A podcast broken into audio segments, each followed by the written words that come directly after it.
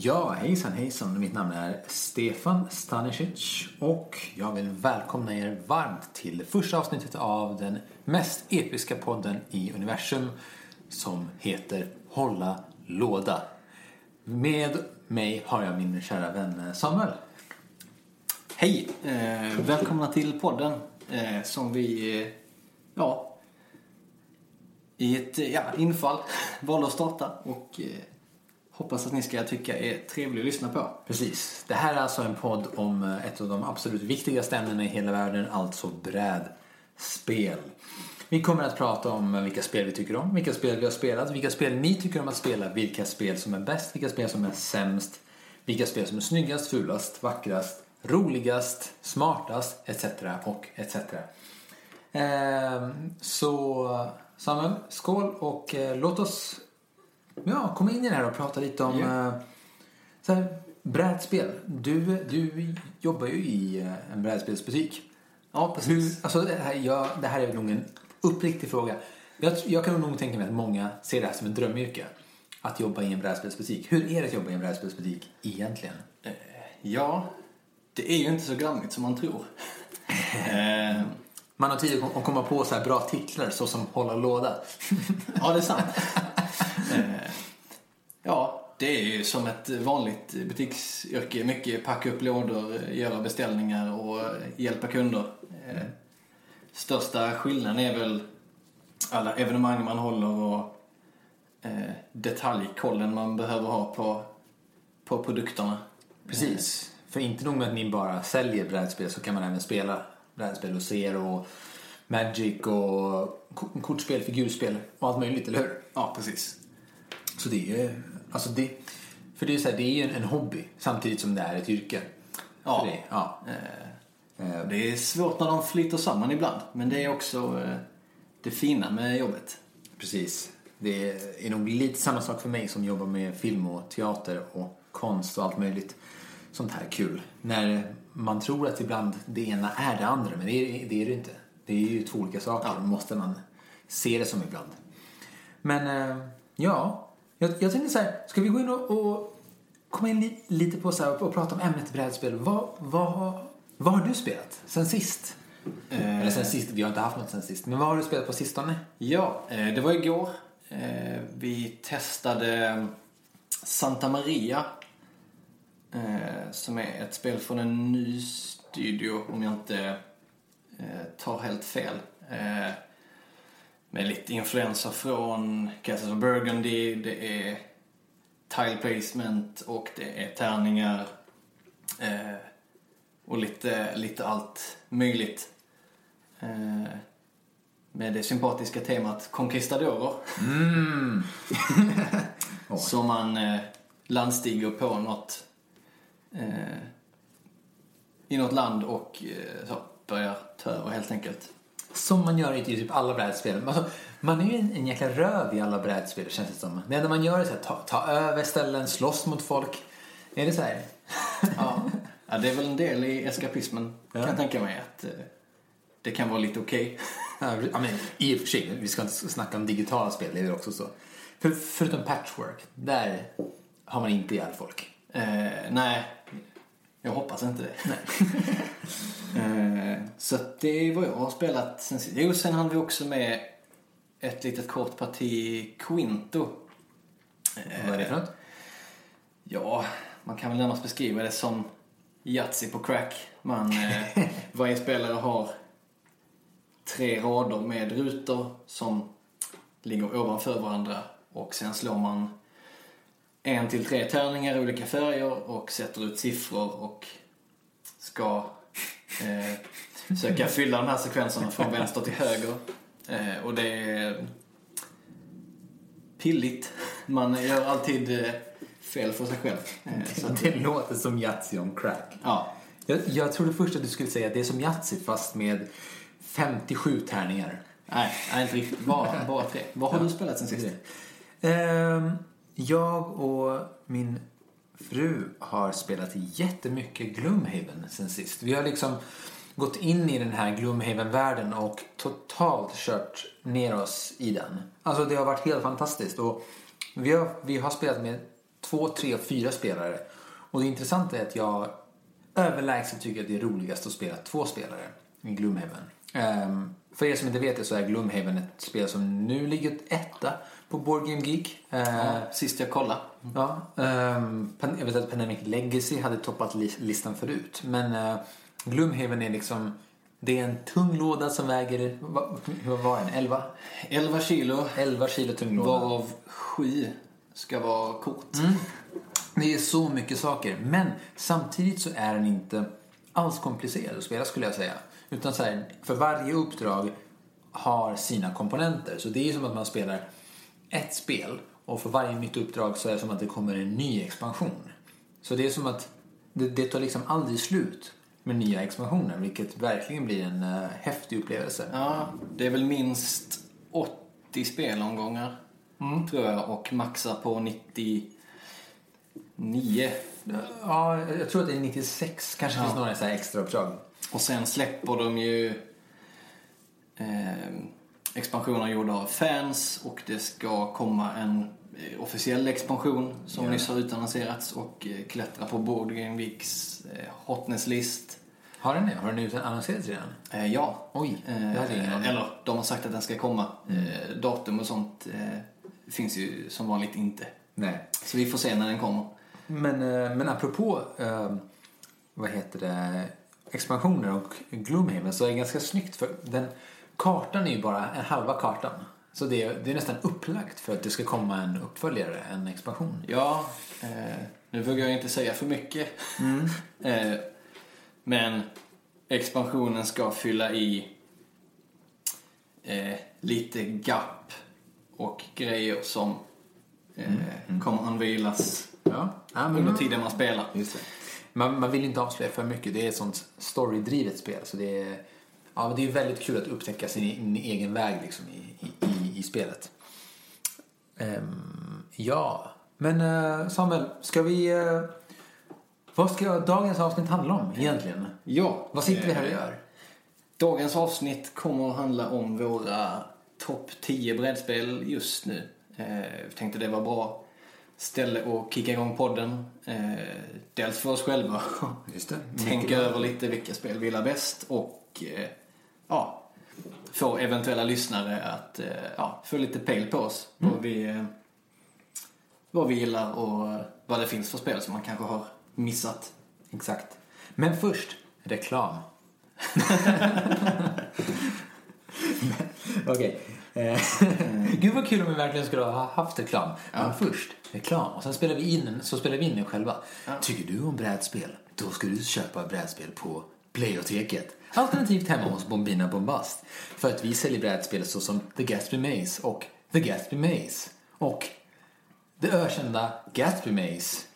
Och Gatsby Maze. Eh, men ja, Samuel, ska vi gå nerifrån upp tänker jag? Ja, eh, Topp 10 spel just nu. just nu, precis. Det här ändrar sig från dag till dag. Eh, vem vill börja? Varsågod, du får börja. Då kickar jag igång. Eh, Alltså, Samuels nummer 10. Nummer 10. Eh, ja, mitt nummer 10 är ett spel som eh, sticker ut lite från resten av listan. och det är alltså Dixit. Från 2008 av Jean-Louis Rubirat, eller hur man ska uttala det. Jag vågar inte ge mig på det. Och för er som inte vet så är det alltså ett bildgåtespel där en spelare ska lägga ett dolt kort från sin hand, ge en ledtråd till kortet på något sätt och de andra spelarna ska i sin tur lägga ner eh, kort från sin hand med bilder som de tänker kan passa. Eh, Korten blandas sen, vänds upp och man har en omröstning eh, om vad de andra spelarna tror är första kortet. Om man gissar fel eller rätt så var gåtan antingen för lätt eller för enkel och då får alla andra poäng istället för eh, den första spelaren. Alltså det är som ett historieberättarspel nästan. Fast Ja, lite med grann, eh, eh, möjlighet att vinna. Ja, lite förfinat rappakalja kan man säga. Eh, lite likt eh, Codenames, eller tvärtom är det ju eftersom att eh, Dixit är, är äldre. Men så ett väldigt light spel som vem som helst kan spela oavsett hur bekant man är med, med brädspel. Eh, lätt att få in folk som är, Definitivt. som är misstänksamma. Eh, men ändå kvalitet nog att eh, ja, tillfredsställa folk som faktiskt är lite kräsna och har brädspel liksom. Som, Och, det är väldigt, alltså, och, och så är det väldigt fina, fina bilder också. Alltså, jag, Ja, är- jag gillar ju bilderna mer än, än, än, än själva spelet om jag ska vara ärlig. Jag Ja, de är de är fantastiska. Eh, och sen varje expansion har dessutom en huvudillustratör så att man får in liksom en helt annan persons så, knasiga bilder. Eh, Ja, så det går verkligen att spela det hur många gånger som helst och med nytt folk och höra nya ledtrådar på kort som man har sett hundra gånger utan att det blir liksom uttjatat. Mm. Så att det är alltså min nummer 10. ja. Dixit. Dixit. Nummer 10. Snyggt. Ja, jag, jag gillar det. Det är också ett fint spel. Hamnar inte på min topp 10-lista däremot. Eh, men eh, men vi, har, vi har också så sett att våra to- topp 10-listor skiljer ju sig radikalt. Eh, ja, Eh, men ska jag köra min topp 10? kör hårt. Då kör vi topp 10, Stefan. Jag eh, sätter på topp 10 plats, eh, på tionde plats menar jag, eh, Mansions of Madness.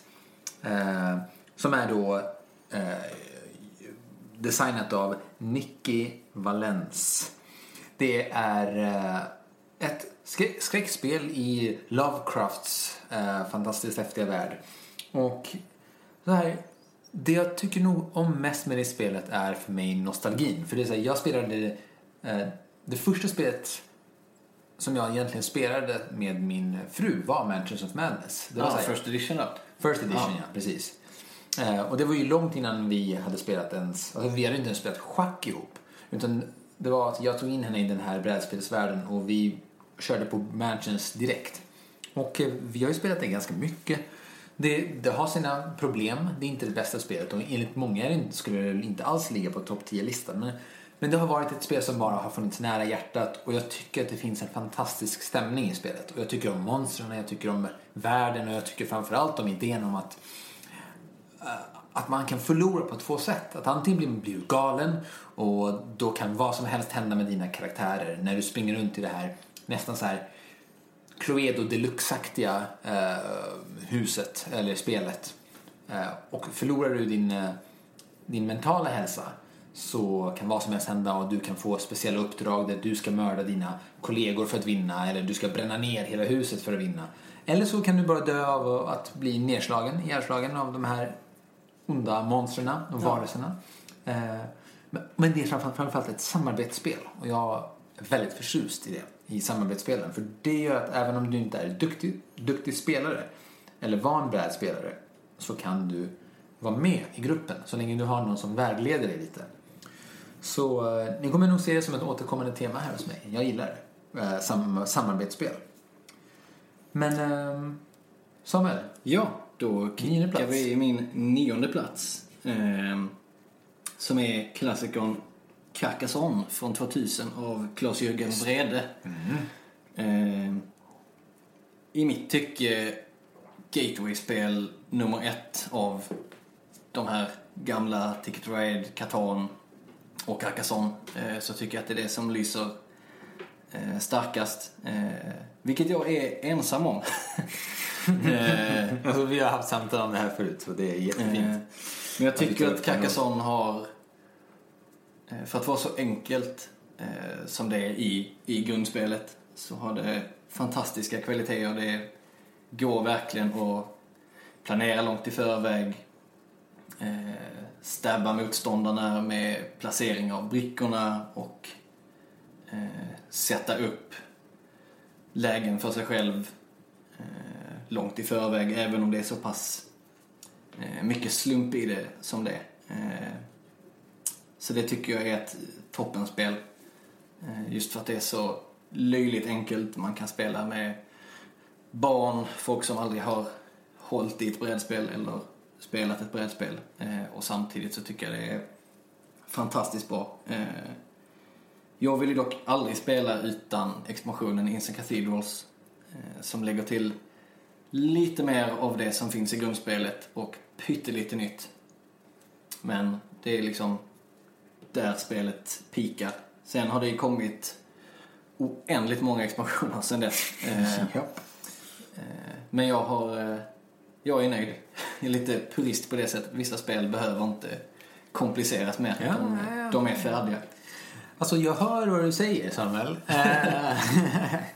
Men Och du tar det till dig och du ska ta det med jag, dig. jag, jag, tar, jag tar det till mig. Jag dricker min kopp kaffe här och låter det liksom gå, sjunka in. Jag tycker att Carcassonne är ett otroligt överskattat spel. Det, det, det känns som så här, hej, här har jag ett barn och en familj och nu ska jag introducera dig till digitala spelens fantastiska värld. Jag kommer ju inte ge dig ett Commodore 64 att, som, som det första spelet liksom. Och så tän- tänker jag med Carcassonne också. Det finns så många spel som har kommit i samma, eh, liksom, som är liknande. Inte minst ett, spel som vi kommer nämna senare. Som gör samma sak fast bättre. Och det känner jag inte, det, det har kommit så många spel i, under vår tid och inte minst de senaste fem åren. Ja. Som har förändrat det som har funnits i så många år tidigare och gjort samma sak fast bättre. Och då tycker jag att Carcassonne är så här, åh snark, orkar inte spela det. Men, jag hör vad du säger. Eh, det är ett tycke som eh, är lika validt som vilket annat som helst. Ja. Och eh, som sagt, vår lista kommer skilja sig så.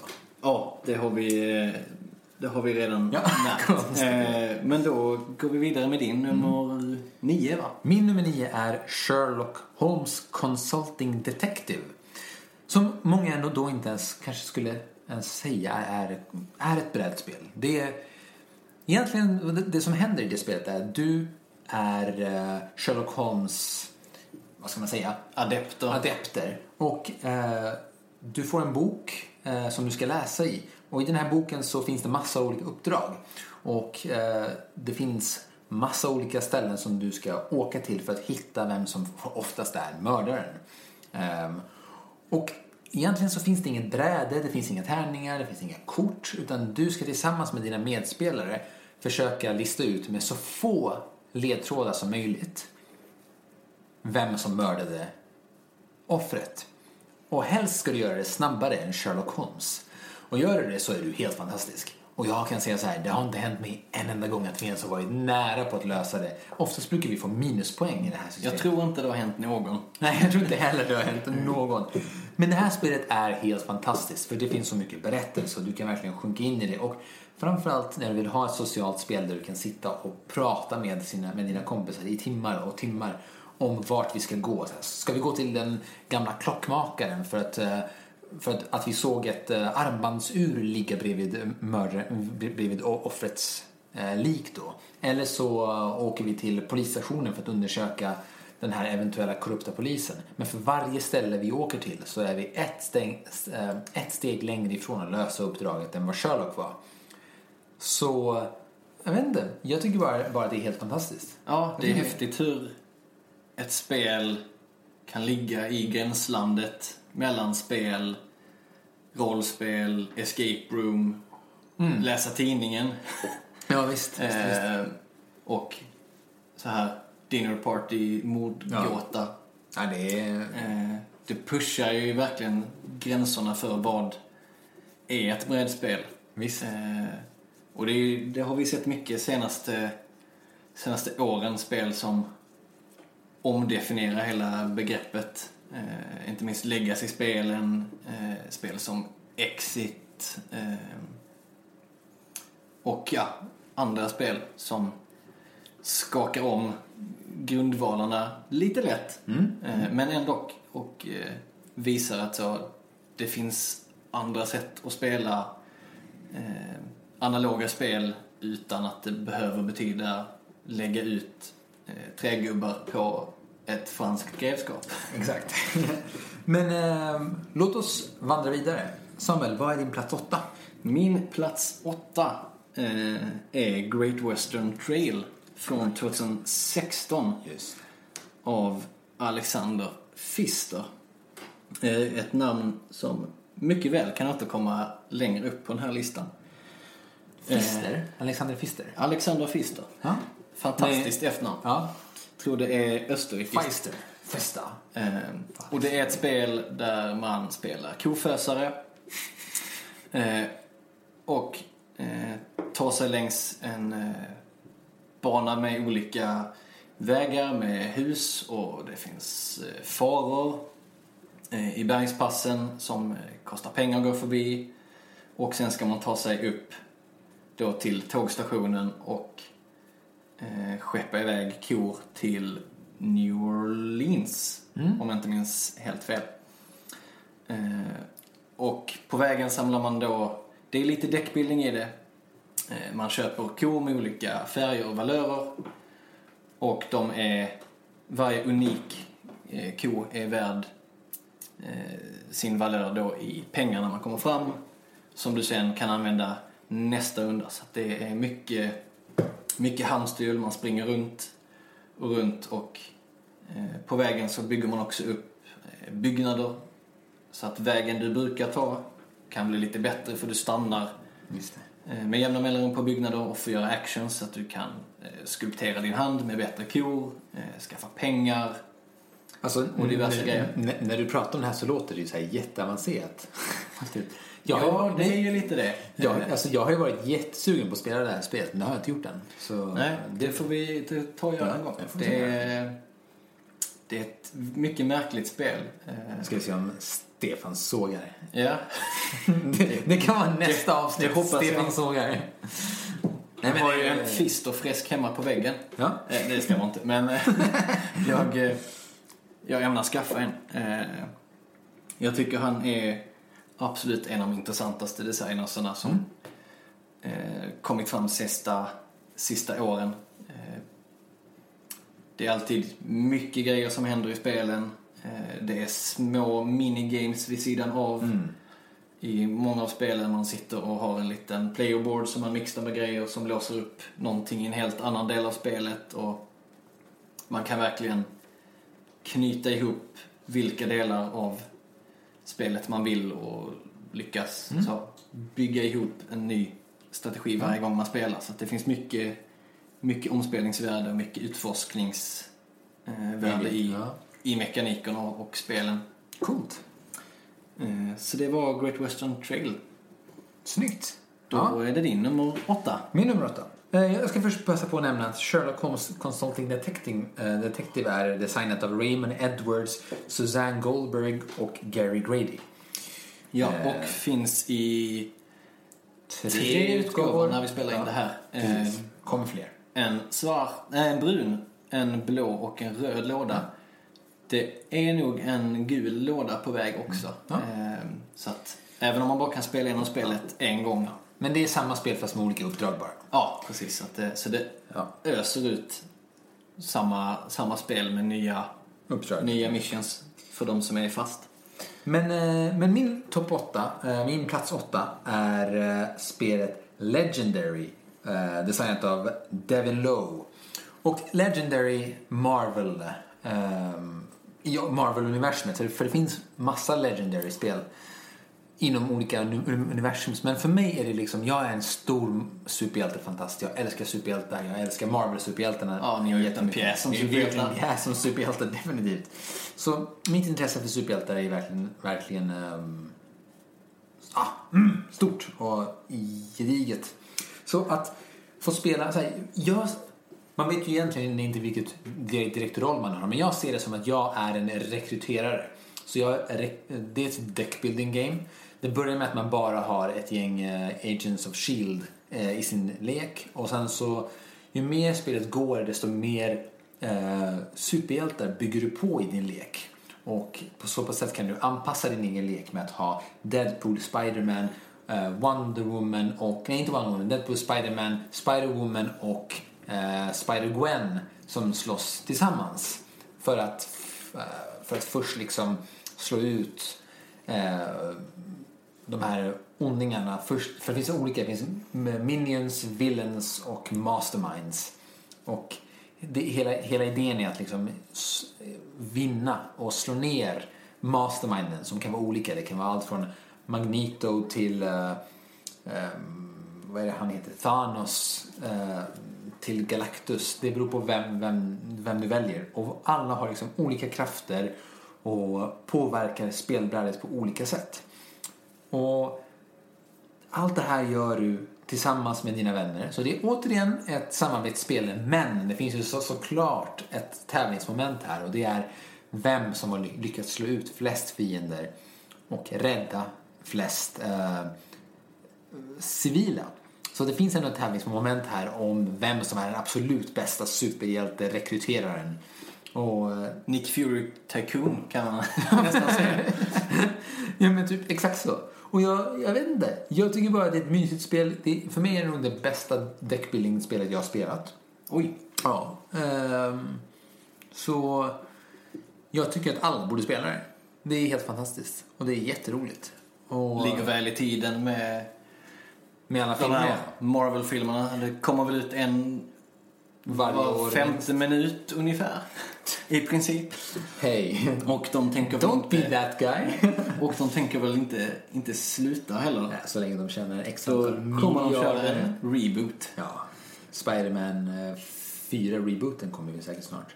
Men, alltså så här, gillar du superhjältar, gillar du uh, deckbuilding games så ska du inte missa det här. Gillar du serietidningar så är det underbart. Ehm, Det var din åtta. nummer sju, Samuel. Yes. Eh, min nummer sju är Five Tribes av Bruno Cathala. Just. Eh, som är... Ja, jag vet inte hur jag ska kategorisera spelet. Eh, Ännu ett spel jag inte har spelat men vill spela. fy. Ja. Det fixar vi. Shame. Eh, eh, det har en modulär spelplan med brickor. Eh, och på dessa brickor så sitter det små meeples, eller trägubbar, för er som inte pratar nördska. Eh, varför ni nu skulle lyssna på den här podden. en, en mycket stor fråga. Det är för att vi är så trevliga och härliga att lyssna på.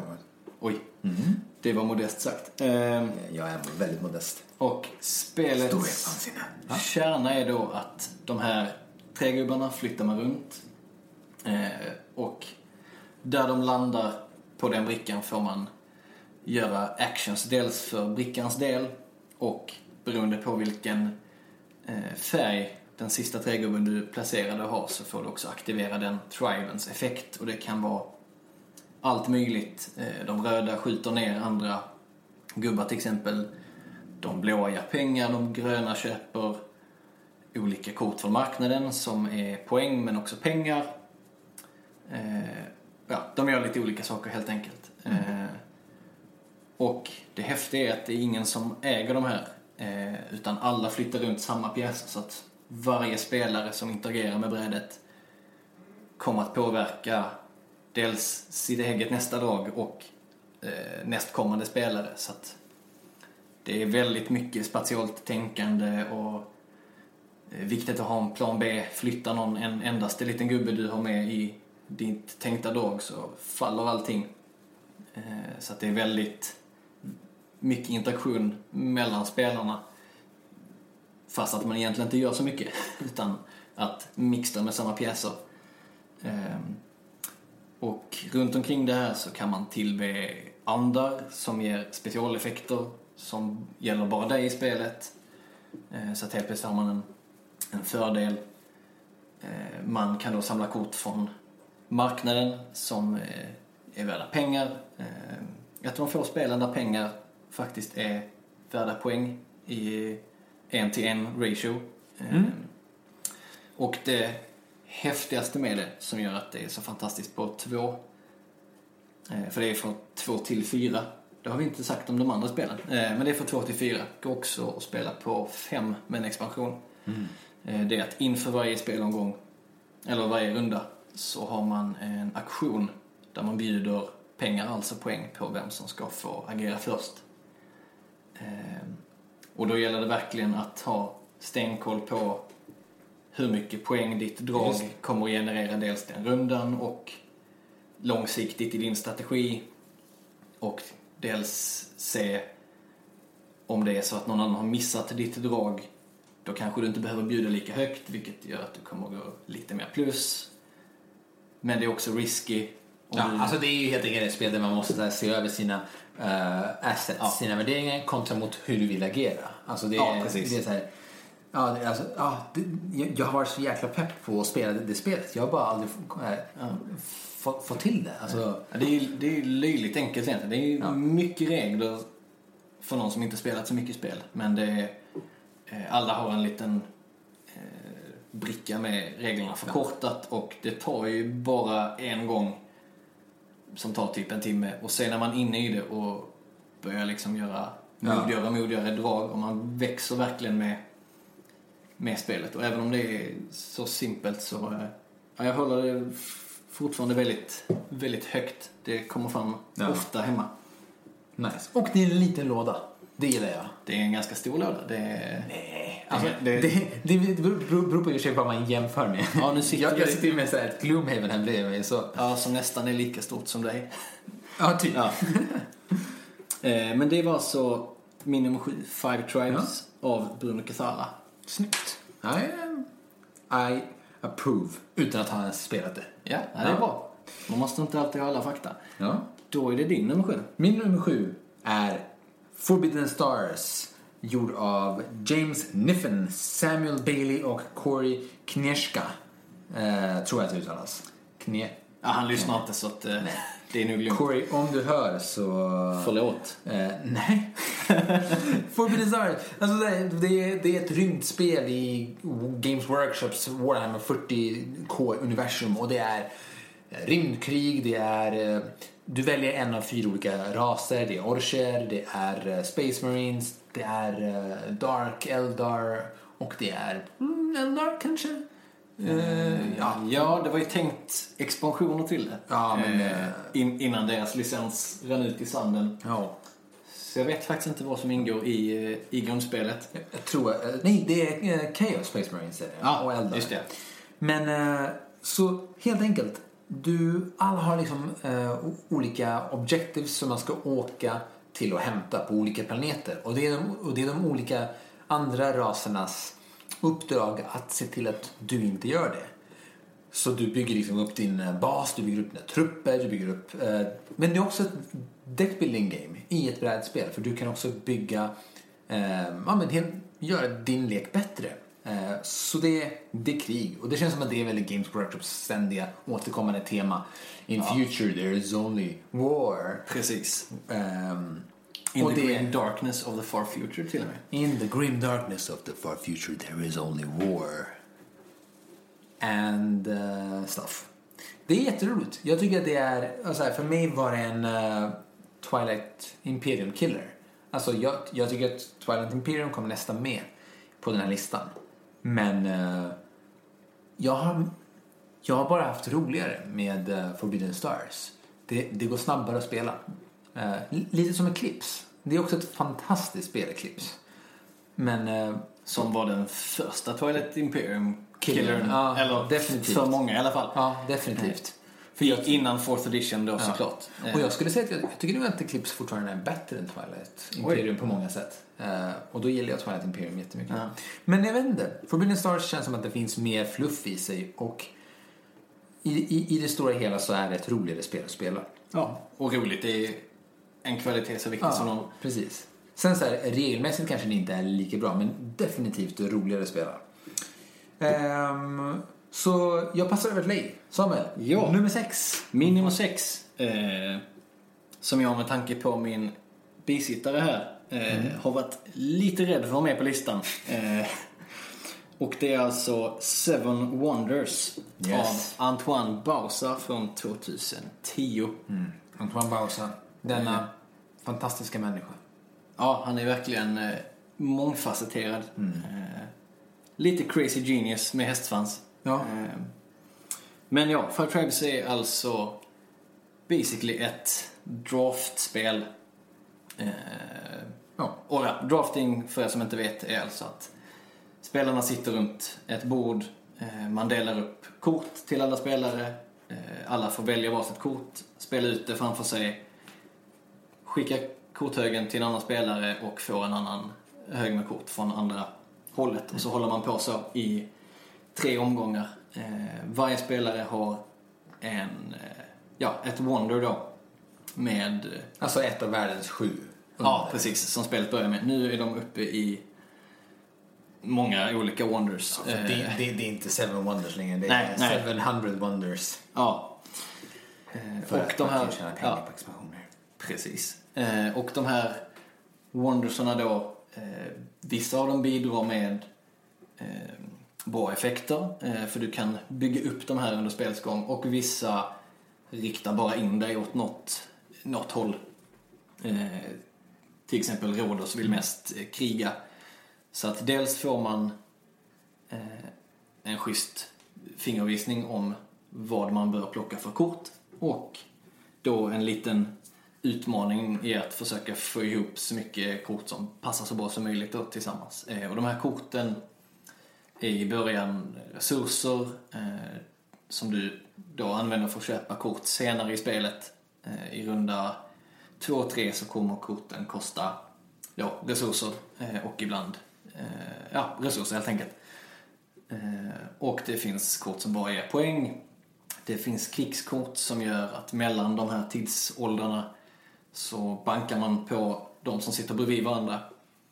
Eh, och det finns teknikkort som ger eh, jättemycket poäng om du lyckas få ihop dem. Eh, och det finns ekonomiska kort eh, som gör att du kan köpa grejer av, av grannar. Och jag tycker det är i sin enkelhet, för det är ett väldigt simpelt spel om en väldigt abstrakt, så är det så himla mycket att tänka på. Inte minst vilka kort som spelarna på andra sidan bordet kommer att plocka. Eh, så att du vet om de kommer börja ta kort som du behöver. Eh, du måste hålla koll på dina grannar om de börjar bygga militär så att du inte tar allt för mycket däng. Samtidigt som du då ska försöka pillra ihop ditt eget eh, lilla pussel.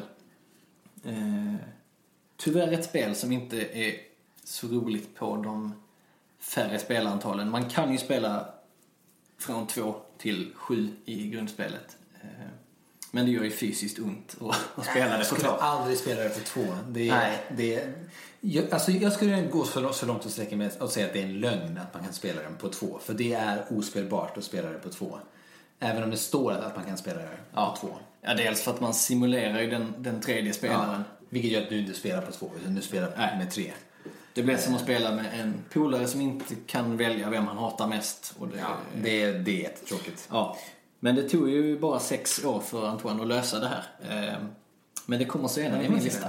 Men alltså, Seven Wonders Duels är, eh, Seven Wonders är ett fint spel. Alltså, det är ett fint spel. Jag tycker också att det är lite, lite överskattat. Det känns som att det har så blåats upp och blivit helt fantastiskt och jätteomtalat. Men jag har, om jag ska bara säga ärligt, haft kul med det spelet första tre, fyra gångerna jag spelat det och sen så så börjar man så här, se en viss rutin och så tycker jag inte att det är så kul längre.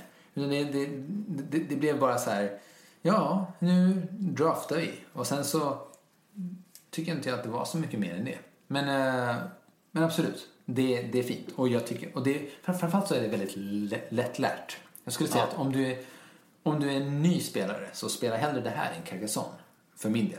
Oj, ja. ja det var brave statement. Men, men- eh, ja, För, för, jag, jag, tycker, jag hör dig. jag hör vad du säger. Jag tar Ja. till mig det. Jag kommer ta med det här. Men du har fel. yes. Ja, jag passar över till eh, Stefans nummer sex. Som går till ett spel som är absolut ganska svårt att lära sig och inte alls eh, vad heter det, enkla regler och ett sätt att vinna utan det finns massa sätt att vinna på det här spelet. Och det heter Scythe. Och är designat av James, nej, jo, J- Jamie eh, Stegmaier. Stegmaier. Jamie Stegmaier heter han. Hallå, I'm Jamie. Ja, jag tror han är Steigmeier. någon sorts amerikan.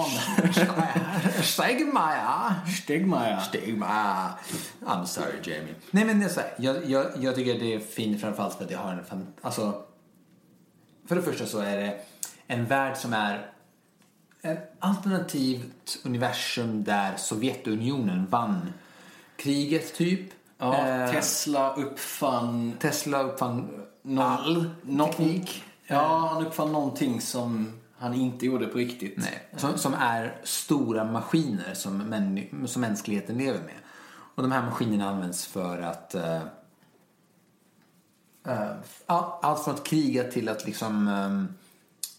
Ja, bära runt arbetare, flytta dem över ja, eh, hav och grejer. Ja, och det, är liksom, det här är ett spel som är så stort att det blir nästan svårt att, förklara. För det, i, I sin grundprincip så handlar det om att du ska få ett så starkt samhälle som möjligt genom att ta över olika områden men samtidigt expandera, eh, samla, samla re- resurser. Men du kan också vinna för att, genom att få så mycket ehm, i, din, i, i din stad att älska dig som möjligt. Alltså öka din eh, popularitet. Ja. Eh, Och och så när man krigar så... tappar du popularitet. Ja. Ja, precis. Folk Eh, gillar ju inte krig. Nej, så att till skillnad från Risk och Blood Rage och andra pucklar man i huvudspel så Så blir har du straffad av att ja, lokalbefolkningen har lite att säga till om. Vilket är helt underbart. Och sen, och sen finns det så här eh, personliga uppdrag man kan bege sig ut på. Eh, och det är kul när man, när man gör de här personliga uppdragen så får man alltid tre olika val. Och det är alltid så här, ett schysst val som är så här, men jag är snäll. Och då ökar du popularitet. Alltså så har du ett medelsnällt svar som är så här, men du minskar lite i popularitet men du får lite mer resurser. Och så finns det ett hemskt val här, du sänker jättemycket popularitet men, och typ, du typ dödar den här personen som är i din väg. Men du, men du snor all dens mat så du får jättemycket resurser. Så det är ett litet rollspelsmoment. Definitivt. Nej, men det är jättefint. Och sen eh, framförallt så är det en stor hyllning till eh, vet han, ja, eh, Jakub Rosalski eh, som har gjort en fantastisk eh, art till det här spelet. Ja, han hade ju... Och spelet bygger faktiskt på hans, konst, alltså på hans konstverk. Ja, Jimmy, om jag minns rätt, såg eh, hans bilder han hade gjort. Exakt. Jag tror det är tusen illustrationer eller något sånt i den här Världen. eh. Transformers möter Emil i Lönneberga-världen. Verkligen. Eh, och ville då göra ett, ett, ett spel i den. Eh, Så... eh, och det har gått så långt att en tysk studio eh, har också hört av sig och håller just nu på, om den inte redan är avslutad, och kickstartar ett real time strategy-spel, alltså ett, Ja. ett datorspel i samma värld. Ja, det tror jag att de gör. Att de är klara till och med. Eller håller på att bli klara, kanske. ja, Ja, men... eh, osäker på det. Ja. Men, men det är igång i alla fall. Eh, så att det kommer ju komma Ja, allmänheten till, till nytta sent när det väl, eh, precis. väl släpps. Så att det har ju verkligen exploderat. Och det är, men, men, men det är snyggt. Det är så vackert spel. Och jag tycker att om man vill ta sig till typ risk deluxe så ska du verkligen testa på Scythe. Um, Samuel, du har spelat det. Det är av de få spelen på listan vi båda har spelat. Eh, ja, Nej, nej, det är inte. Det var flera. Men, men det är ju ett få av spel de... på min lista Ja. som vi båda har spelat. Det är faktiskt ett av de spel som jag inför första spelomgången har varit mest tveksam till eh, på grund av hur hypat det var.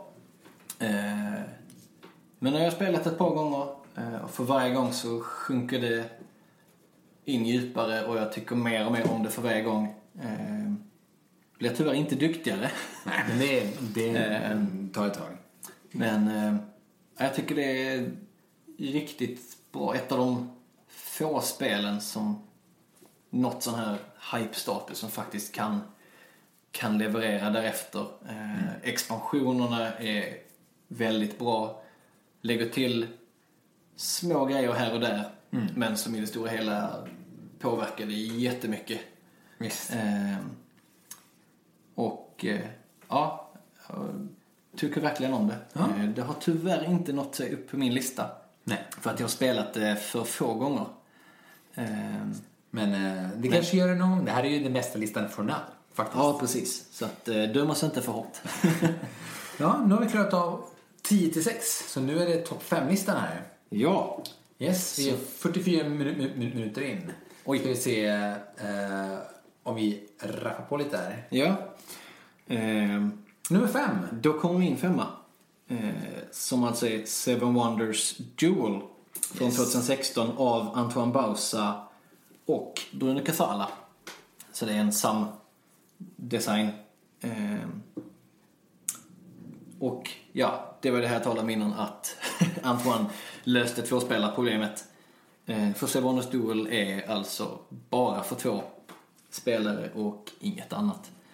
Eh, och anledningen till att det kniper platsen ovanför Sevonos är för att, ja, det är helt enkelt lite, lite bättre på allting. Även om det inte riktigt är samma spel så är det mycket samma tema, det är samma lite mekaniker som är, är anpassade eh, till det nya eh, mm. sättet att spela. För att istället för att drafta så bygger man alltså upp eh, en grid med kort Eh, där några är uppåtvända och några är nedåtvända.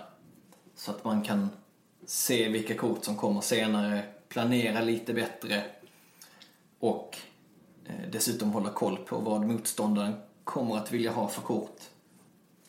Eh, vilket är det som jag tycker gör spelet så fantastiskt bra att läser du motståndaren rätt och ser vart de är på väg upp i den här pyramiden av kort så kan du genom att stjäla tidiga kort till den spelaren behöver eh, för att man turas om att ta varsitt kort.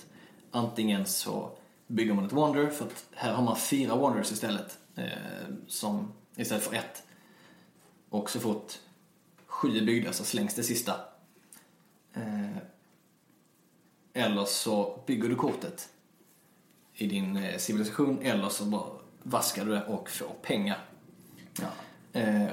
Och till skillnad från Seven Wonders så ja. tycker jag att det här är ett helt briljant spel. Jag tycker ja. det här är, för så här, det är helt andra mekaniker.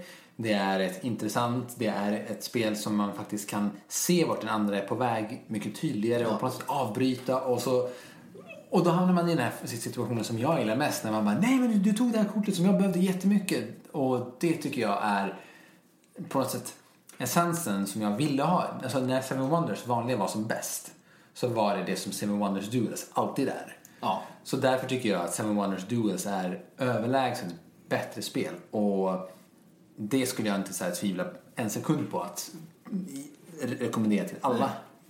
Ja, det är ju fantastiskt. Eh, det är mycket mind games i det också, att man kan lyckas lura sin motståndare att då, genom att ta bort kort de behöver så måste de köra plan B och helt plötsligt har de då låst upp kort högre upp i pyramiden som du måste ha. Eh, så att man kan liksom lura till sig vinsten och lite fördelar eh, genom att använda motståndaren som ett, som ett redskap. Eh, så det är väldigt, väldigt bra. Enda nackdelen är då att det är nästan omöjligt att vinna mot någon som har eh, mer erfarenhet i det. Ja. Eh, vilket jag inte är säker på är en, är en nackdel ja, men det är som, det här spelet. Det är som schack. Ja, Herregud. Du, du får bara se, se, se till att bli bättre och så ja. spela mer och tänk ja. mer. Shape up. Shape up, sluta whina. Ja. Så att, eh, ja, det var min nummer, nummer fem. fem. Sevanus mm. Duel. Yes. Då går vi över till Stefans min nummer fem. Nummer fem är... Jag, jag, jag har en liten bakgrundshistoria till min nummer fem. En gång var tredje, fjärde månad så är vi fyra personer. Emma Bexell, jag, Stefan. Eh, inte jag och Stefan, jag, Stefan. Ja. Svante Back och Sjur som träffas tillsammans. Och så tar vi fram det här spelet. Och vi vet att vi kommer bara kunna spela det här uppdraget en gång. Och sen är vi klara. Och det här spelet heter Time Stories. Och det är skapat av eh, Peggy Chestnut, Chestnut? Peggy, Peggy Chestnut och Manuel Rosoy. Rosoy. Rosoy. Rosoy. Det här, uh, Time Stories är ett uh, rollspelsbaserat brädspel som handlar om att du är tidsresenärer som tillsammans reser tillbaka någon gång i tiden beroende på vilken expansion du spelar för att hitta ett temporal fault, alltså ett problem som har uppstått någonstans i förr i tiden, framtiden eller ett annan, ett annat, en, annan, en annan dimension. Och alltså, man, spelreglerna är så annorlunda för de är så otroligt individbaserade. Man, det är ett samarbetsspel. Och så lägger man ut en, en spelbräda och på den här spelbrädan så lägger du ut en korthög. Och den här korthögen är den spelomgången som du kommer att spela. Du lägger ut en panoramabild med de här korten och sen så väljer varje spelare en panoramabild som består av fem bilder. Upp, upp till fem bilder. Och sen lägger varsin spelare ut sin eh, spelmarkör dit man vill gå. Och så läser du baksidan av den här panoram, delen av panoramabilden. Och så ska man samarbeta och försöka lösa pusslet ihop.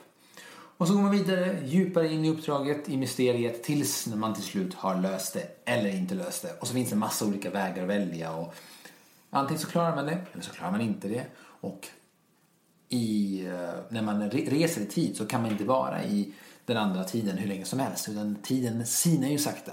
Och när dina liksom time units har nått till noll då, det, då sugs du ur den här kroppen och reser tillbaka i framtiden. Och så måste du starta om allting från början. Men den här gången vet du vad som har hänt. Så nu kan du göra vissa saker annorlunda. Det är, eh, det är superkul. Det var faktiskt er eh, gamla chef på Playo, Benny, Ja. som tipsade mig om det här spelet. Och eh, alltså, jag tycker det är jätteroligt. Och jag ser liksom varje gång fram emot nästa expansion. Vilket blir som att nästan följa en TV-serie. Ja, typ 12 Monkeys. Typ.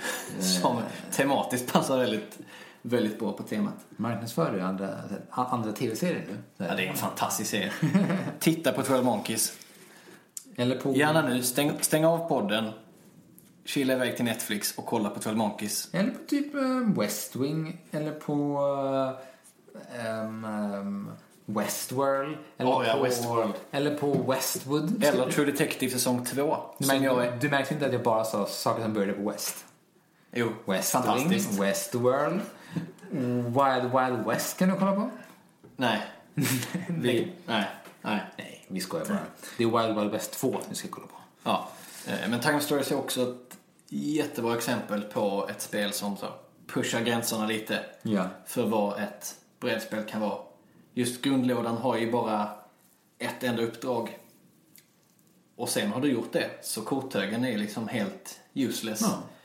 Och resten av spelplanen då, som du återanvänder, agerar ju, och lådan för den delen med olika fack, agerar ju mer som en liksom spelkonsol. Där du Ja. mitt i en spelomgång, om du behöver göra något, eller ni behöver göra något annat, kan savea. Och då lägger man i spelet i en viss sekvens för att sen plocka upp det senare. Eh, Och sen finns det en övergripande historia som sträcker sig över alla spel. Don't spoil! Ja, nej, jag, jag säger bara att det finns det. Ja. Så det finns en poäng att spela dem i ordning. Um, Time Stories, mycket bra spel, spelare. Det är lättspelat, det är roligt, smart och tänjer gränserna på vad ett brädspel kan vara. Och fantastiskt snyggt. Uh, framförallt framsidan. Det varierar. Det är olika art för varje spel. Alla inte, Ja. alla inte Nej, jag tänker på grund, grundspelet är Ja, det är magiskt. Det är magiskt. Eh, Det- känns som en Apple-produkt. Ja, det spelet skulle vinna årets, årets box, eller hur? Ja, Definitivt.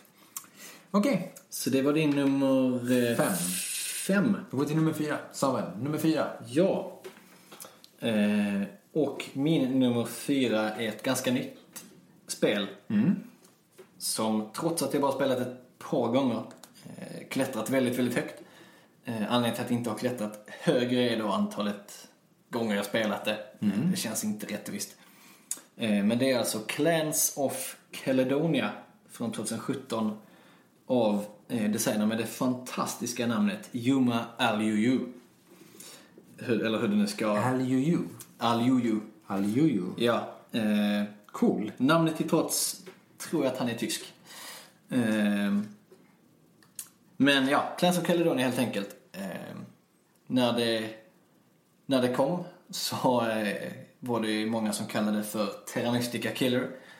Eh, vilket jag delvis kan hålla med om.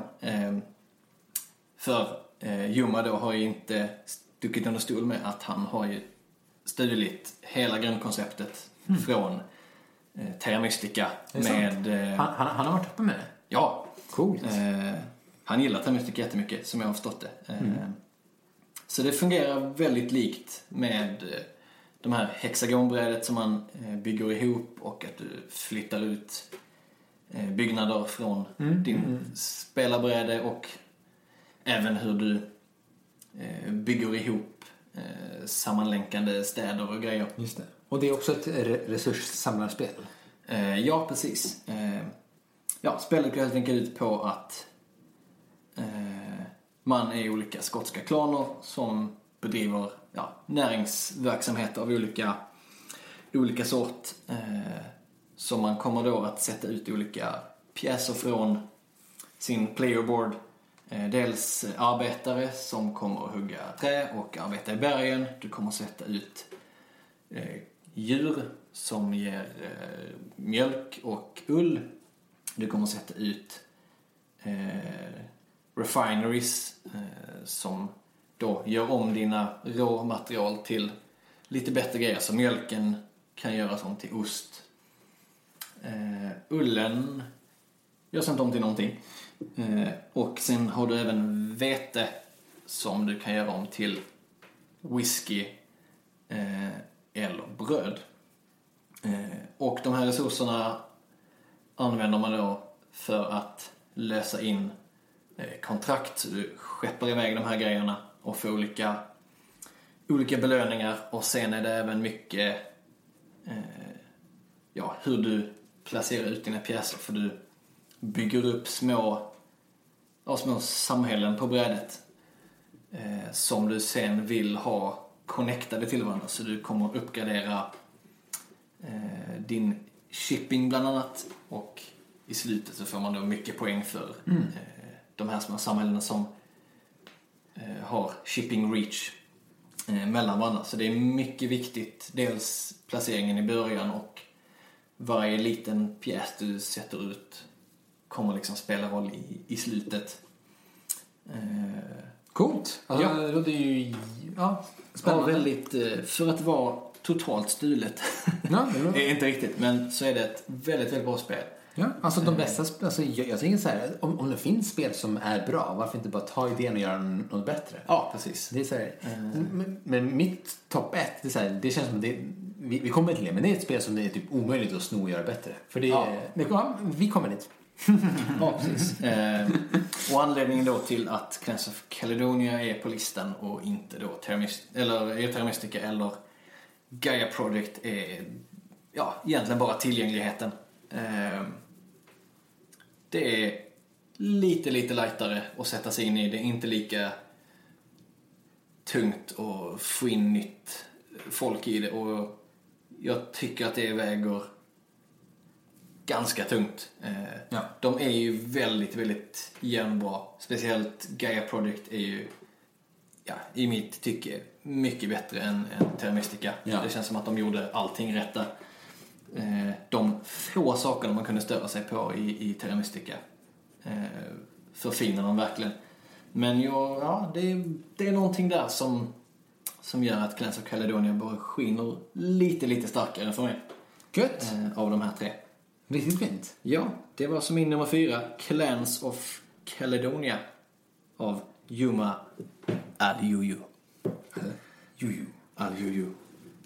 Vidare till din... Eh, 11 kilo tunga låda av Gloomhaven skapad av Isaac Childers. Childers. Isaac Childers. Det är så här, folk har väldigt speciella namn som brädspelsskapare. Det, det, det, kanske, det kanske är det man behöver ha. Eh, ja, jag tror att det handlar mycket om... Om namnet. Sen Ja, om, om, om ursprung också. Det är ju mycket, mycket Tyskland, Tjeckien, Italien eh, och ja, en del USA också. Och ja, det blir ju lustiga namn då. För oss. Ja, men att det är Childers och inte Childs. Aj, aj, aj. Jo, oavsett. Gloomhaven är en 11 kilo tung låda. Och man skulle kunna avskräcka sig och tro att det här är ett omöjligt spel att spela. Med massa komponenter, otroligt tungt att lära sig. Och det är det inte. Det är väldigt, väldigt lätt att lära sig. Jag skulle kunna lära dig att spela Gloomhaven på en kvart. Och så skulle vi kunna ha brädet framme och du skulle veta precis hur du ska göra.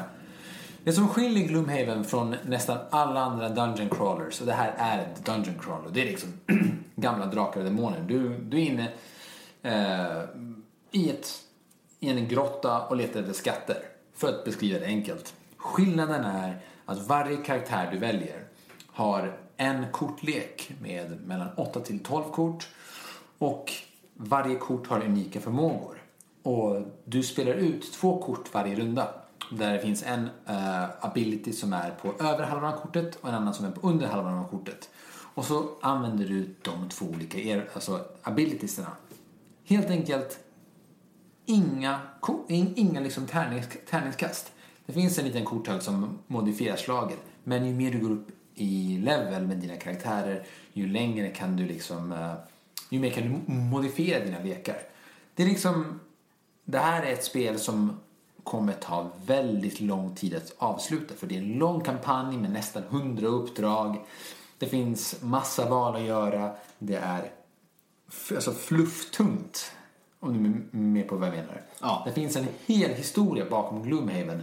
Det kommer en bok om staden. Det kommer en bok med gåtor. Det finns så här runor man kan lösa om man läser regelboken. Alltså det finns så mycket fluff där som inte ens har med vanliga spel att göra. Du ska dra av klistermärken och klistra på kartan. Du ska riva kort. Du ska ställa dig upp och sjunga Kumbaya. Nej, det, det ska jag inte göra. Men, men, men, men, du ska göra så himla mycket udda saker som du vanliga kortspel, äh, brädspel inte gör. Och jag har bara så himla roligt med, med det just nu. Eh, Hur långt in har ni, har ni hunnit av de här? lite dryga 20 uppdrag har vi vunnit. Oj. Mm.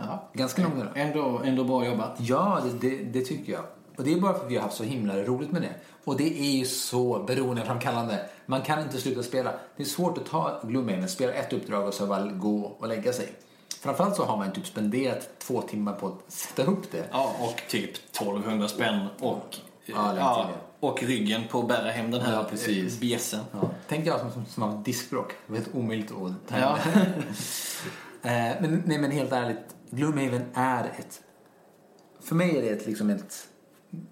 Bland allt jag hade kunnat önska mig när jag var ett barn. Alltså, det är liksom... Idén om ett så här stort, spel var omöjligt för mig att ens tänka mig. För ingen skulle göra det här spelet. De måste ju gå back när de gör det här spelet. Men jag tycker att alla borde spela det. För det är så bra. Och eh, det är mitt. Nu, nummer fyra, Gloomhaven. Jag har inte så, så mycket mer att säga om det. För det är, det är typ det, det jag sa. Nej, det är det, det finns ju hyllmeter att läsa om spelet Ja. eh, där ute ändå. Så att eh, är man sugen så är det bara att kolla upp. Det är inte för alla. Det, det, kan jag bara säga Nej. rakt upp och ner. Det är inte för alla. Ja, man- Folk kommer hata det. Och, jag, och det förstår jag. Det köper jag 100%. Ja, det var ju ramaskri eh, när Gloomhaven som då andra Legacy-spel att knipa eh, första platsen på Borgen gick efter att Pandemic Legacy knuffat ner Twilight, Twilight Struggle. Struggle. Som har legat etta i typ tusen år. Eh, ja. Eh, och då satt ju många Eurogamers där hemma och, och började skriva testamentet och kände att så, the end is nigh. Men jag tycker det är härligt. Brädspelsbranschen börjar växa. Eh, spektrat för de heta spelen eh, blir bredare. Ja, och det handlar mer om samarbete och det handlar mer om historieberättande.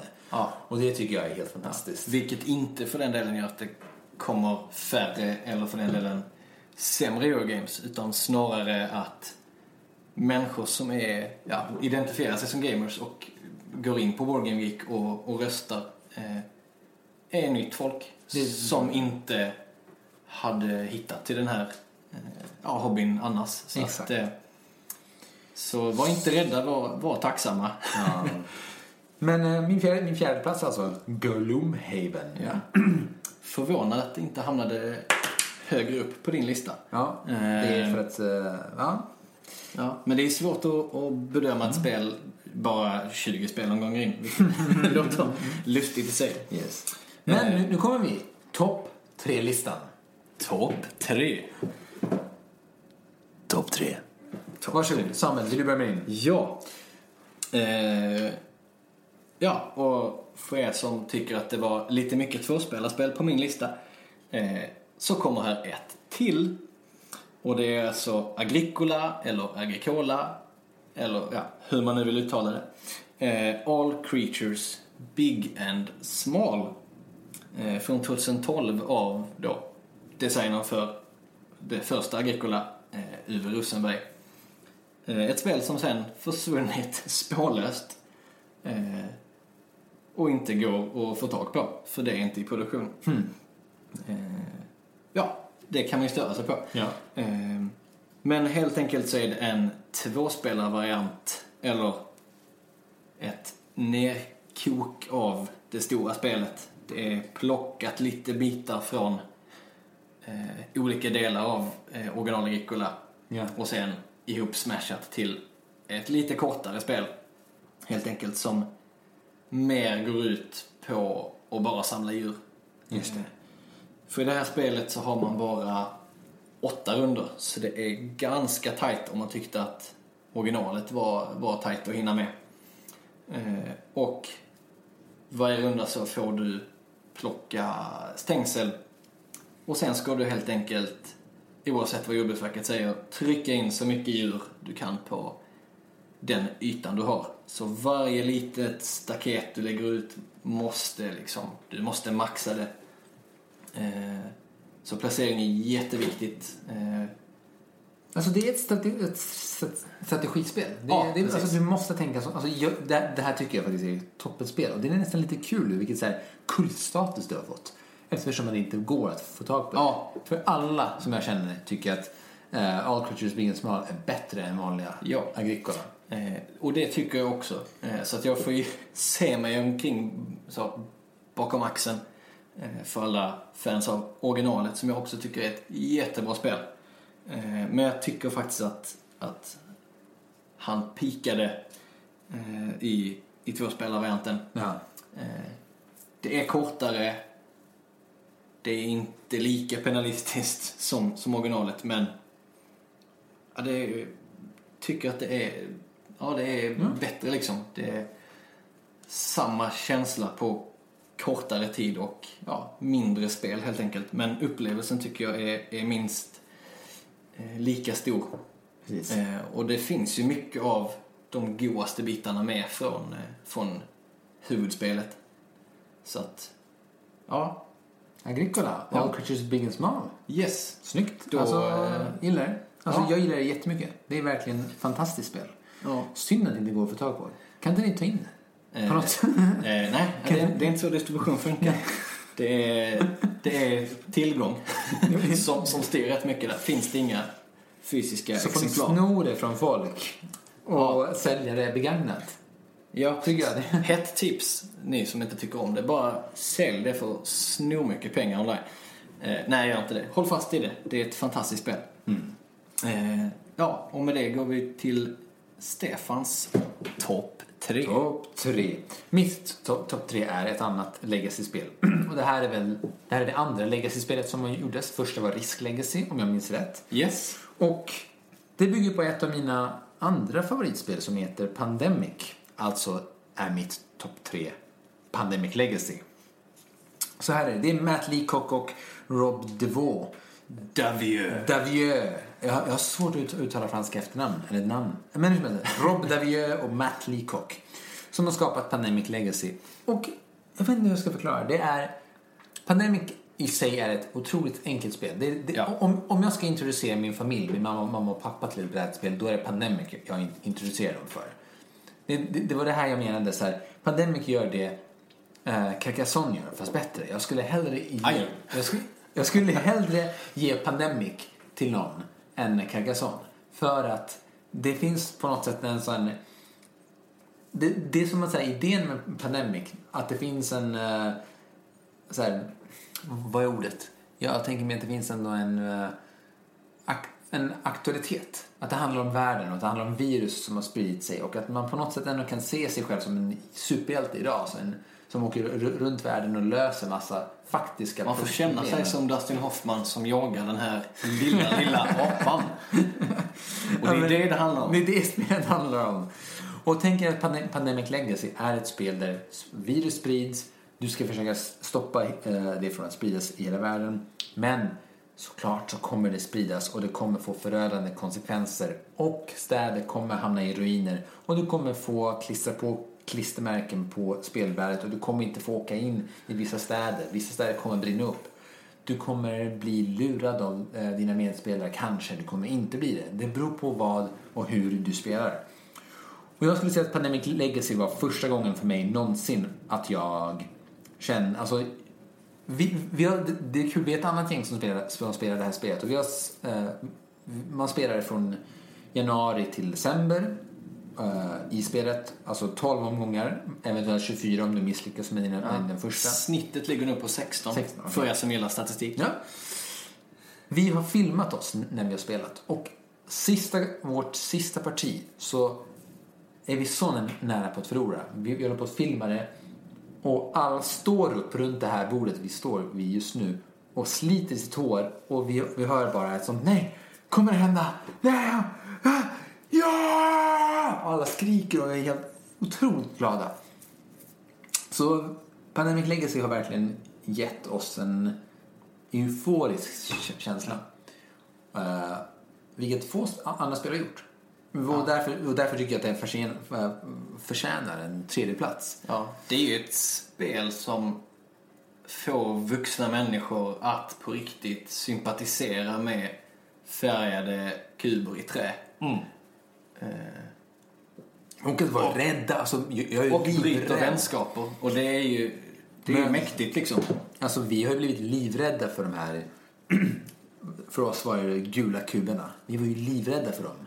Det är liksom eh, fantastiskt vad, vad ett spel kan eh, ge en för så här känslor. Ja, det, det här ja, man är, vill ju bara plocka upp de här kuberna som då är en miljon infekterade människor. Eller hur Ja, skalan är. Och, och bara ta hand om dem och ta med dem hem. nej, kuberna är inte människor. Kuberna är virus. Ah, okej. Då Så- tar jag tillbaks allt Aha. jag har sagt. Kuberna- och hävdar direkta motsatsen. Kuberna är vi livrädda för. Vi hatar kuberna. Vi hatar ja, kuberna. hatar kuberna. Eh, Vi ska trycka det på en t-shirt. Ja, jag hatar kuber.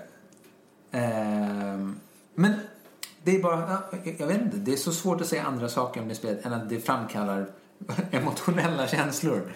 Och eh, Och det var ju spelet som piskade ner Twilight eh, Struggle. Twilight Struggle från första platsen. Och eh, med detta sagt så går vi till plats nummer två. Samuel. Yes. Och mitt nummer två är Voyages of Marco Polo av eh, Simon Luciani och Daniel Tascini. Eh, två galna italienska genier helt enkelt. Okej. Eh, det händer så extremt mycket i deras spel och det är nya coola idéer som inte har funnits innan och de mixar grejer och ja, de är fruktansvärt duktiga både tillsammans och på, Ja. på varsitt eh, håll. Eh, Vad är det fantastiskt duktiga de har gjort i det här spelet? Ja, de har ju lyckats med det som ja, Stefan Fält eh, lagt sin karriär på, som Marcus och Inka Brand eh, nu tagit upp stafettpinnen för och, och driver att alltså få med slump och tärningar i, i Eurogames utan att det blir störigt helt enkelt. Och få med det på ett ett schysst sätt i, i spelet. Eh, och Voyage of Marco Polo går då ut på att eh, man spelar olika karaktärer eh, på X hundratalet. eh, och man ska resa runt då från Italien ut i, i Asien och eh, upptäcka ställen, eh, leverera varor såsom eh, silke och guld och eh, kameler eh, till olika ställen. Eh, och detta gör man då genom ja, worker placement fast med, med tärningar så att eh, ju mer du reser desto fler sådana här områden kommer du låsa upp. Eh, och det fina med det är att det är inte alltid dåligt att rulla låga tärningar för det finns så mycket saker att göra. Mm. Alltså, Eh, det, ja. Och det är inte alltid eh, antalet prickar på tärningen spelar, spelar roll. Ibland är- kan det till och med vara dåligt för att det är dyrare att placera en, en eh, högt rullad tärning. Eh, men det är ett fantastiskt spel. Det är inte så, så svårt eh, att lära sig. Eh, men det finns ett fantastiskt djup i det. Varje spelomgång blev väldigt annorlunda. Dels för att det finns ja, med expansionen oändligt mycket olika karaktärer som funkar väldigt olika. Eh, De, de fuskar på olika sätt helt enkelt. Men det är, så här, det är kul för det blir så här, det är ett, i sin grund ett symmetriskt spel som blir asymmetriskt med ju mer expansioner som har kommit. ja, eller det, det är asymmetriskt redan i grundspelet. Ja, i- att, att alla, alla, alla spelar på karaktärerna spelar på Ja, olika sätt. Men, men, men reglerna och själva målet är ju sy- symmetriskt, tänker Eh, jag. Ja, precis. Eh, och Sen dessutom så har man då lite Ticket to Ride-grej med eh, städer man ska ta sig till som, som kan ge lite poäng. Eh, Och ja, de olika städerna kommer också få utslumpade bonusbrickor på sig så att varje spelomgång kommer då olika vägar man väljer att då ta sig över den i, eh, asiatiska kontinenten. Eh, De kommer att vara helt olika och beroende på då var och i vilken ordning de här eh, bonusbrickorna hamnar. Så att det är alltid lika roligt. Det är nog, ja, det är spel jag har liksom spelat mest när man, så, det inte har kommit något nytt hett på ett eh, tag. Så är det det folk tar med till, till spelkvällarna på, på jobbet. Eh, för att det, så, typ alla kan det. Så det är lätt att slänga upp på bordet och, och alla tycker att det är väldigt, väldigt roligt. Så att det har inte tröttnat på, det, på det än. Eh, Så att, eh, ja, därför hamnar det på min nummer två. Voyages of Marco Polo. Coolt. Alltså något klassiskt Eurogame känns Mm. som. Ja, det har inte så många år på nacken. Det kom ändå 2015 men har ändå liksom Ja. blivit lite, lite kultigt. Ja, men- Ligger ganska högt på topp 100 på Game Geek. Men, men det, det känns som att det, att det blev ett instant classic så fort det släpptes. Det Ja. liksom, li, lite som Pandemic Legacy också blev. Omtalat så fort det kom typ. Ja, Ehm, ja, fin. En, eh, en instant, två instant, instant classics har vi haft nu. Ja. Eller tre kanske med Gloomhaven också. ja. All right. då är det din nummer två, Stefan. Min nummer två skiljer sig från alla andra spel vi har pratat om hittills. Och det är, det gjorde kanske påminner lite om Time Stories. Mitt nummer två är Exit, som är gjord av Inka och Marcus Brandt som du, du talade om innan. Ja. Exit är escape room i en låda. Okej? Ja, Det är typ det man kan säga. Jag, jag kan inte spoila mer än det här. Det är en låda, ganska liten låda. Du öppnar, du kommer få olika komponenter för beroende på vilken låda du öppnar och så ska du lösa massa pussel. Ja. Och du kommer bara kunna spela en låda en gång för du kommer ju riva saker, du kommer behöva slita isär lådan och behöva liksom tänka utanför boxen. Ja. Och de tänker smart. Alltså, Inka och, om, Inka och Marcus Brand har ju verkligen tänkt speldesign utanför texten för eh, kontexten en spellåda. Den, Ja. Man använder sig utav fler element än bara det som ges i lådan. Ja, själv, själva lådan och, och komponenter är liksom... är en del av spelet i sig ibland. Är, Ja, de, de är inte bara där utan det...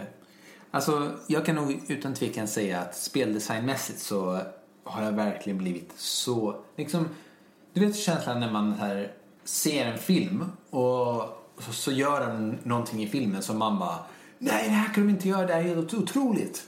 Så kände jag inför det här brädspelet. Vi gjorde en sak och vi stod upp och bara Nej, det här är inte sant. Det här, nej, hur har de kommit på det här? Det är helt, helt otroligt. Så det känner jag med Exit. Och Nej, jag, jag, jag, vi har nog spelat alla förutom den sista expansionen, eller det sista exit-spelet. Och jag tycker nog att för varje spel vi har testat har jag bara blivit mer och mer imponerad.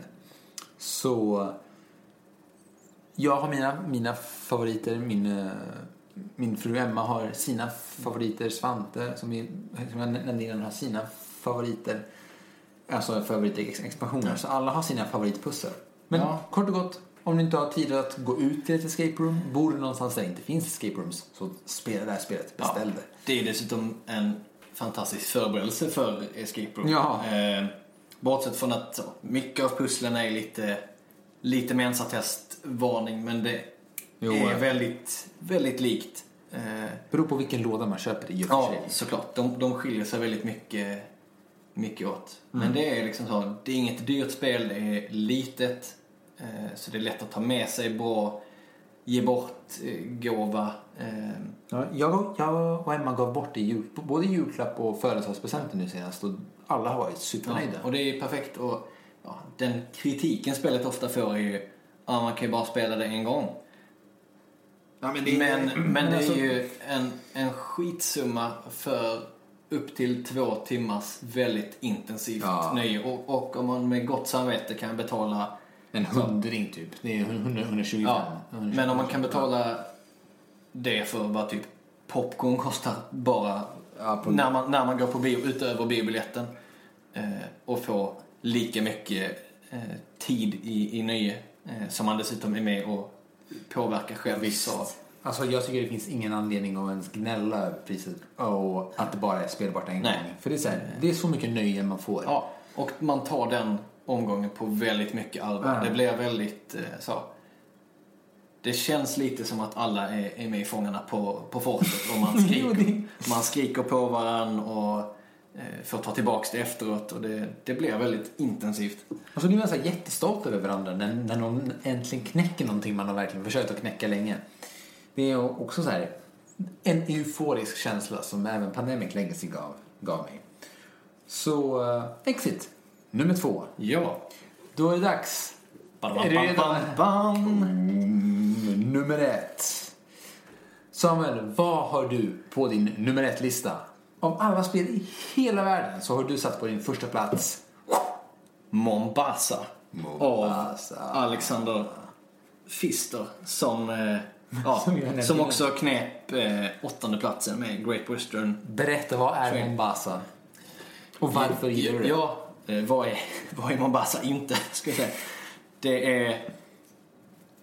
Det trots att Great Western är det av hans spel som har fått bäst mottagande eh, av hans, av hans spel så tycker jag att Mombasa är, det är lite vassare. Det är så mycket ihopslängda märkliga grejer. Eh, det går ju ut på ja, den inte så sympatiska grejen med att så, exploatera eh, afrikanska kontinenten.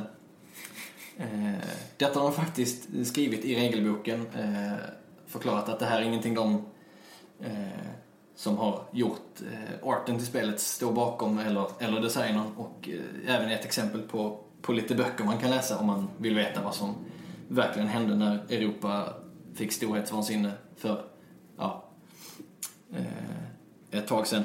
Och inte så länge sedan faktiskt, sorgligt. Men i alla fall, nog om det.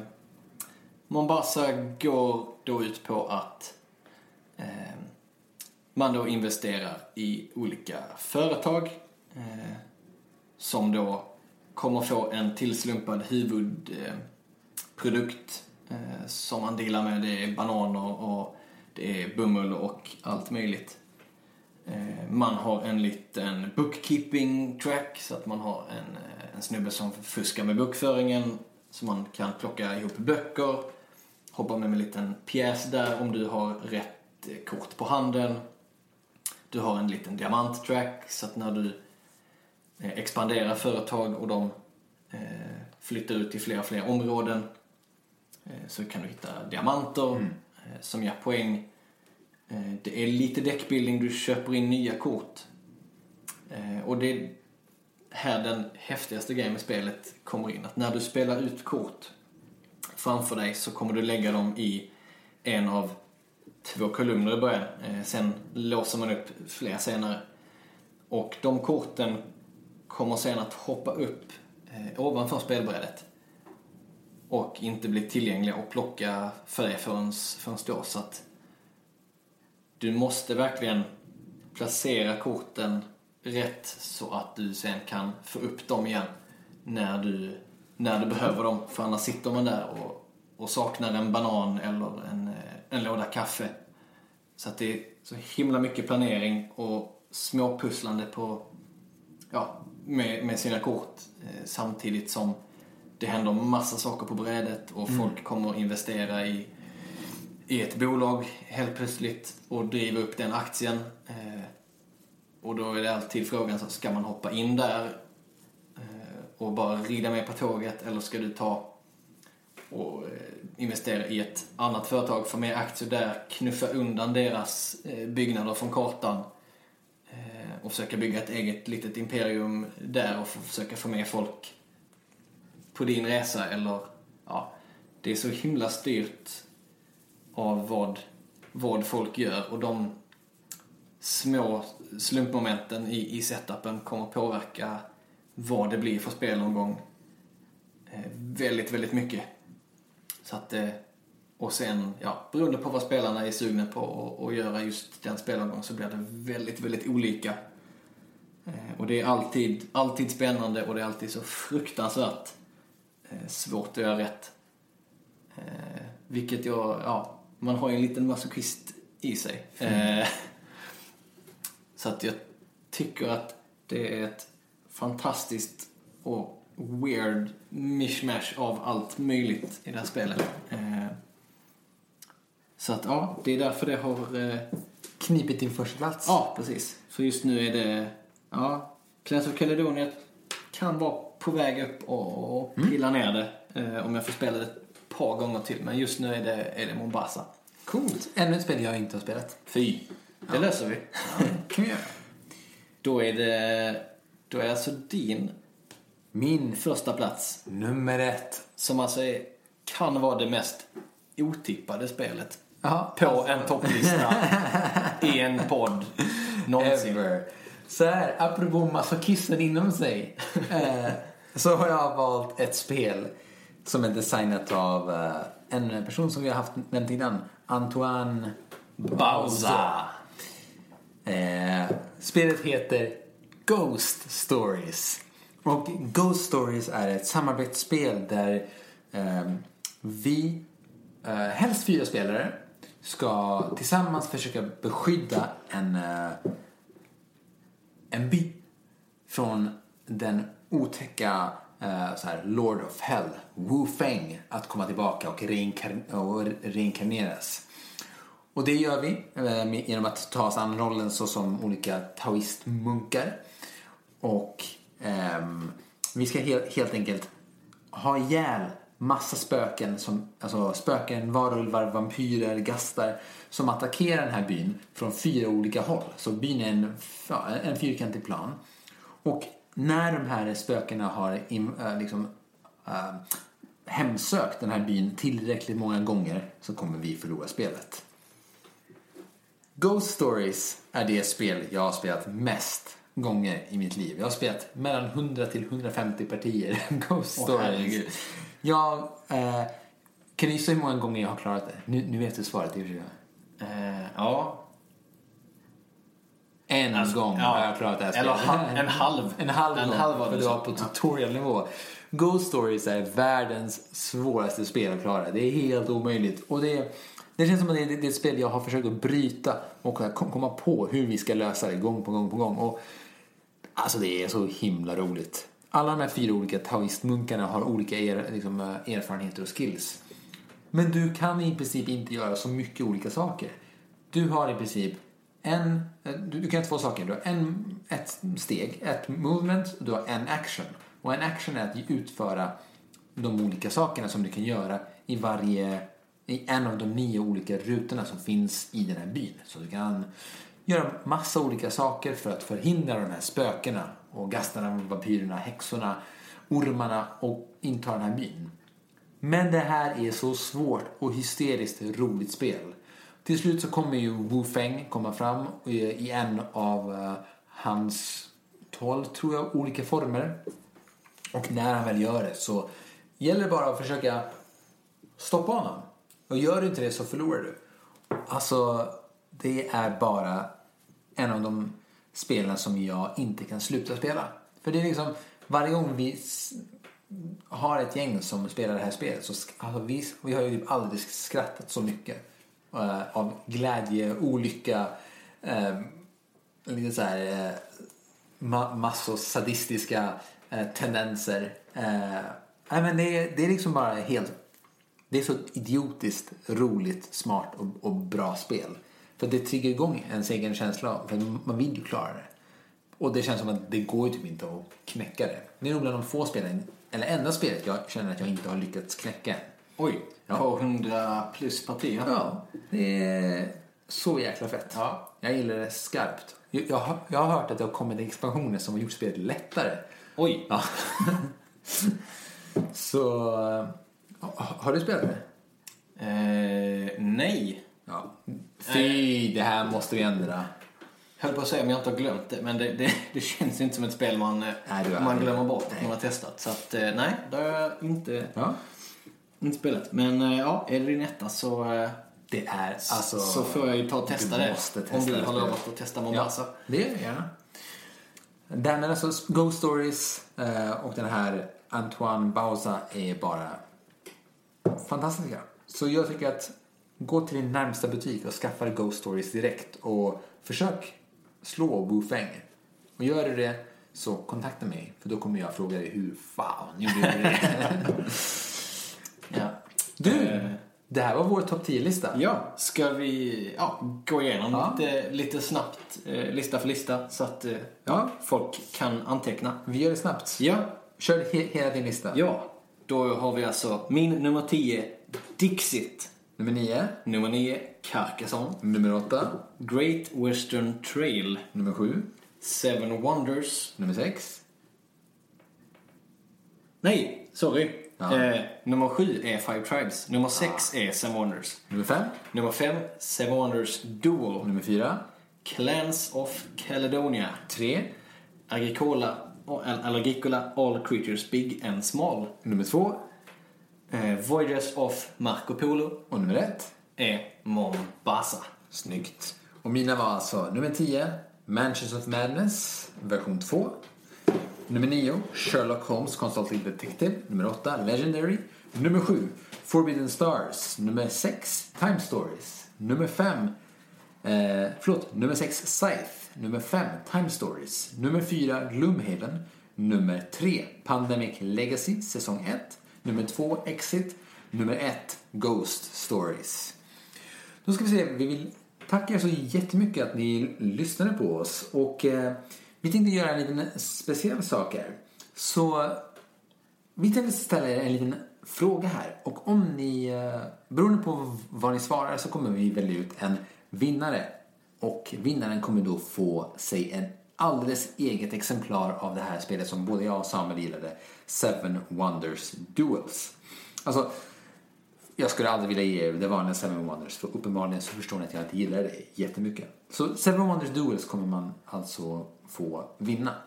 Och frågan är så här. Vi har ju nu nämnt ett antal um, legacy-spel såsom Pandemic Legacy, Gloomhaven, eh, vi har nämnt Risk Legacy. Och jag kommer även nämna att Betrayal on the, on the, on the House on the Hill At. at the House Ja. on the Hill Svårt att få det, få det rätt där. kommer bli ett legacy-spel. Men det vi undrar är, vad tror ni att framtidens legacy-spel kommer vara? Eller ännu bättre fråga, vad vill ni skulle Ja, vara ja. framtidens legacy-spel? Vilket, ja, vilket spel som är, är släppt skulle ni vilja, vilja se som, som legacy-spel helt enkelt? Är det Exit Legacy? Är det Mambusa Legacy? Är det Monopol Legacy? Nej. Nej. Är det Legacy Legacy? Det Legacy? Eller Lost Legacy Legacy? Meta Legacy. Ja. Ehm, så det här är... Den, den som kommer på det absolut bästa svaret här Ja. kommer vinna sig då. Med, med, med motivation. Ja, gud ja. Man kan inte ge ett svar utan motivation. Nej. Det är bara dumt. Eh, ja, och den personen har du sagt Ja. Den kommer vi, få vinna valfritt spel på biblioteket. nej. Herregud. Eh, vi, ja, jag och Stefan kommer skicka ett, eh, ett Savanos Duel Ja. eh, till, till den personen. Eh, som man får hemskickat. Eh, Jag sa det faktiskt innan. Men Ja, ja, jag var ju tvungen att springa iväg eh, eftersom att Stefan gör så fantastiskt kaffe som bara rinner igenom en stackars skåning. Eh, ja, Men eh, tack för, alla, för att ni lyssnade. Vi hoppas alla att, att ni lyssnade färdigt på, på det här. Och eh, vi kommer komma, komma tillbaka mer i den här fantastiska podden Hålla låda. ja. Och vi har vi märkt är jävligt duktiga på att hålla låda för vi har snackat nu i nästan en och en halv timme. Åh herregud. Åh, herregud. Ja, ja, det, är, det är inget... Eh, Det är det som, men det heter ju inte hålla låda utan dess anledning, eller hur? nej, precis. Vi håller i låda. Vi håller låda. Ja. Och eh, vi kommer ha specialgäster då och då. Nästa gång så kommer Zlatan och pr- pratar. Ja. Ja. Och gången, ja, ja, absolut. ja. och gången efter det så, så har vi Eh, Matt Leacock som gjorde Pandemic Legacy som kommer och snackar. Ja, och Matt Damon. Om Matt Damon kommer och snackar. Matt Damon kommer och snackar om Matt Leacock. Ja, precis. Eh, ja, Gud vad kul det hade haft att ha med Matt Damon som pratar om Terraforming Mars. Ja el- eller eh, First Martians. Eller First Martians. Ja. Men Men Rollen han eh, ändå fått spela i typ två filmer nu. i typ två filmer Ja. minst. Ja, inte, eh, vi kan inte berätta vilka. Då, då, då spoilar vi eventuellt eh, sli, eller mittensekvensen på, på en film som i och för sig är ett par år gammal nu. Men eh, det kan vi låta bli att Ja, säga. det låter vi bli att säga. Ja. Ja. Hörni, ha det jättebra och eh, vi ser jättemycket fram emot att få era svar. Ja. Jag är ju sjukt spänd på det. Alltså, ja. Time Stories Legacy, det är ju typ ett, typ ett legacy-spel. Eh, ja. Men så ja, eh, ha det så bra och eh, ja, se till att spela spel. Spela spel. Spela spel. Det är det bästa som finns. Spela spel och eh, håll låda. Hej då! Hej!